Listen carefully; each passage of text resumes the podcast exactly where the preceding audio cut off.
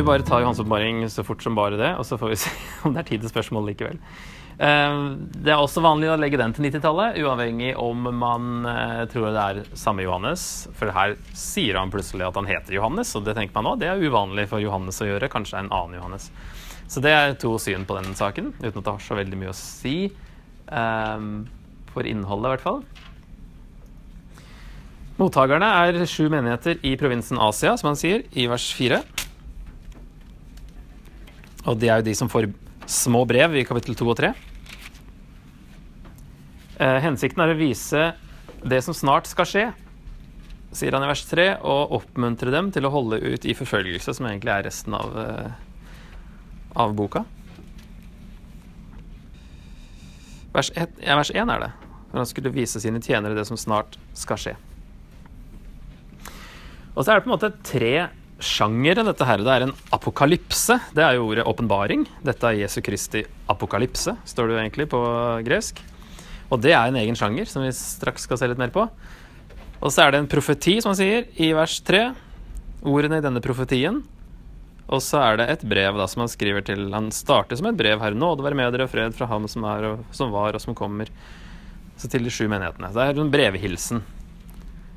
Og det er jo brev i kapittel 2 og 3. Ehm, så det Her er det jo mange tolkninger på Johans åpenbaring. Eh, spesielt fra kapittel 4 og utover. Er det ting som har skjedd? Er det ting som skal fortsatt skje? Eller er det ting som har skjedd utover i historien? Ehm, jeg mener vi må ta på alvor at det er skrevet til eh, de sju menighetene her. Og tolke det gjennom deres øyne for å eh, få has på hva dette her betyr. Ellers så tror jeg det bærer helt galt av sted hvis vi ikke gjør det. Eh, jeg ser ikke noen grunn til å legge bort den vanlige tolkningsregelen når vi kommer til Johans åpenbaring. Og eh, han henviser veldig mye til GT generelt, men, eh, men spesielt også til profetene, og da til de rareste profetene, Esekiel, Daniel og Zakaria. Så vi må kunne veldig mye GT, og spesielt profeter, for å forstå dette her. For å forstå hva bildene opprinnelig betydde, hva det ville bety for de sju menighetene. Og så er det ofte en liten sånn spinn når Johannes bruker det, så er det plutselig litt annerledes. Så denne apokalyptiske litteraturen, det var en populær jødisk sjanger mellom år 200 og Altså 200 før Kristus og 100 etter Kristus, men ukjent for oss i dag, og faktisk uforståelig allerede på 200-tallet for en eh, biskop som nevner det rundt 250, og han sier også at hans forgjengere har heller ikke skjønt den boka her. Og det er ganske tidlig i historien, fordi den sjangeren døde ut, og man var, spesielt da utenfor jødiske kretser kanskje, så var man ikke klar over eh, hvordan tolke dette her. Hva i all verden betyr det? Og da kan det være nyttig å lese disse andre saudepigrafene, for der fins det mange andre sånne åpenbaringer som man kan se hva som er fellestrekk her. Og det er det man har gjort, eh, og funnet ut da fått noen hint om hvordan den boka skal tolkes. Det er mye symboler og tall som brukes for å uttrykke budskapet. Tall brukes også symbolsk. Masse sjuere, f.eks., i Johans oppmaring. Og det er masse tiere, og det er ti ganger ti ganger ti, ikke sant, 1000, og det er 144 000, som er 12 ganger 12 ganger 1000, så det er eh, veldig mye sånne symbolske tall. Så er det spesielt på slutten, når det nye Jerusalem kommer ned, så er det 12 overalt. Hvis ikke de har oversatt disse alen og stadier og sånn til meter og sånn, så da går du glipp av alle de tallene. Som regel så har de beholdt det. Og mønsteret i sånn type litteratur det var at selv om det er vanskelige tider nå, så vil Gud til slutt gripe inn og ødelegge ondskapen, og den messianske tidsalderen vil komme. Så det handler om vanskelige tider. Eh, forfølgelse, gjerne. Men eh, hold ut. Bevar troen, så vinner Gud til slutt. Men eh, det er vanskelig nå. Så disse livlige detaljene er med på å iscenesette og gjøre visjonen levende, men alle detaljene er ikke metaforer.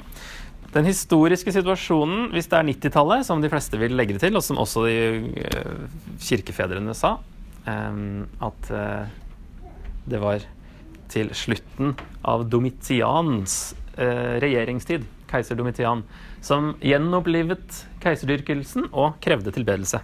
Det var litt Det var nytt, for han eh, de, altså, det var litt fram og tilbake med keiserne om de ville bli tilbedt eller ikke.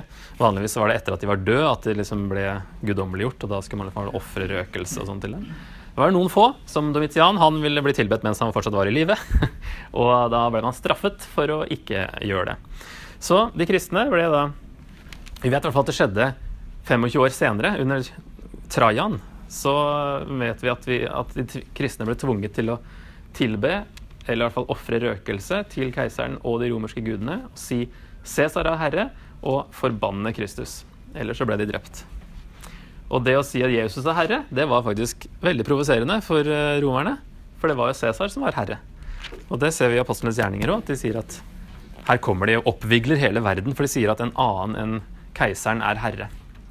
Så den første trosbekjennelsen, 'Jesus er herre', det var ikke bare bare. Det var, fikk deg faktisk i trøbbel. Men de måtte forbanne Kristus eh, for å da unngå å bli drept. Sannsynligvis. I hvert fall som sagt 25 år senere så vet vi at det skjedde.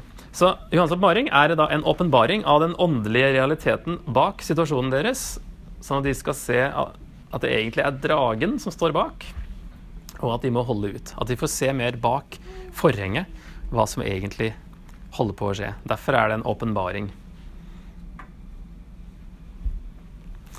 Så jeg lagde en oversikt over hele boka. Så kan vi jo se Få liksom en veldig rask forklaring på hvert fall mitt syn på, på Johans oppmaring. Det åpner jo med i kapittel 1 en, en, åpningsvisjon av Jesus. Og den visjonen eh, brukes mye Det brukes mye bilder fra den, i hvert fall i de brevene i kapittel 2 og 3. Henviser tilbake til et eller annet i den visjonen. Så det brev til de sju menighetene har vi da kapittel 2 og 3. Så, har vi, eh, så er det liksom oppe i himmelen i kapittel 4, og der eh, ser vi Guds trone og det seirende lammet. Som overraskende nok, da, han får høre at det er bare eh, den eneste som kan åpne denne boka med de sju seilene. Det er, så i vers 5, løven av Judas stamme, Davids rotskudd, har seiret og kan åpne boken og de sju seilene. Og så får han se denne løven, og da sier han Og jeg så et lam som sto midt på tronen mellom de fire skapningene og i kretsen av de eldste, og det så ut som lammet var slaktet. Det er helt motsatt av en seirende løve. Det er et slakta lam. Så det har vi de to, to sidene av Jesus, som eh, på en måte legger eh, eh, lista for hvordan de kristne skal seire over verden. Det er ved å bli slakta, faktisk. Eh, altså være klar på at det kan skje. Da. At forfølgelse er ikke eh, det at det ser ut som at myndighetene, eller dyret, eh, vinner. Men hvis de dreper de kristne, men det er faktisk De seirer ved å, ved å holde ut. Det er på en måte første runde av eh, disse kapitlene 4-22, som egentlig virker som det er samme historien tre ganger. Første runde eh, starter denne visjonen og denne, de sju seilene i kapittel 6 8. Der det er da seier, krig, sult, død, martyrenes lengsel etter at Gud skal gripe inn.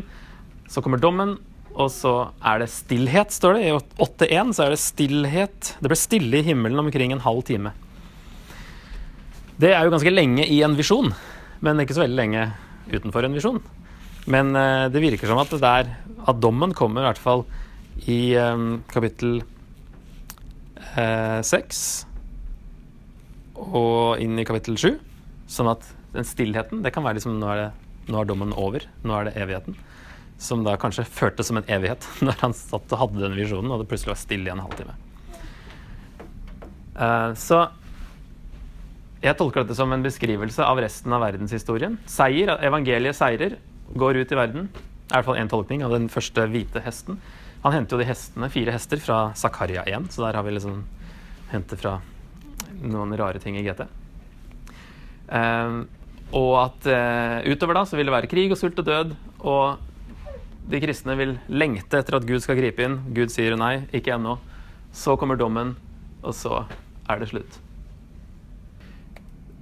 Neste, fra 8 til 11, 8-2, for å være helt nøyaktig, så er det de sju basunene. Og det er altså hagl blir til ild, hav blir til blod, vannet blir bittert. Mørke, gresshopper, en enorm hær og så er det en beskrivelse av at Gud har blitt konge til slutt. Her ringer det jo bjeller til eh, Egypt og plagene i Egypt. Mange av dem, i hvert fall. Hagl og ild og blod og mørke og gresshopper. Um, når man kan se at det er sånn en ny runde to, da, er at i 8-12 så, så rammes stjernene. En tredjedel av stjernene ble rammet, selv om alle stjernene falt ned i 6-13. Stjernene på himmelen falt ned på jorden. Så liksom, nå er det fortsatt stjerner der. Um, og i 9.4 så står det skade, at gresshoppene ikke skulle skade gresset på jorden. Men alt gresset brant egentlig opp i 8-7. Sammen med alt det grønne gresset står det at det ble brant opp. Så det virker som at nå er det samme en gang til, også med en progresjon. Eh, tolkningen av det her vil da være at dette er et nytt exodus, altså en ny utegang. Med at det hinter tilbake til de plagene. Denne gangen er det ut av Romerriket. Og det er da at uh, undertrykkerne får sin dom fra Gud. Gud skal dømme Romerriket. Um, og Guds folk får frihet. Så samme som skjedde i Egypt.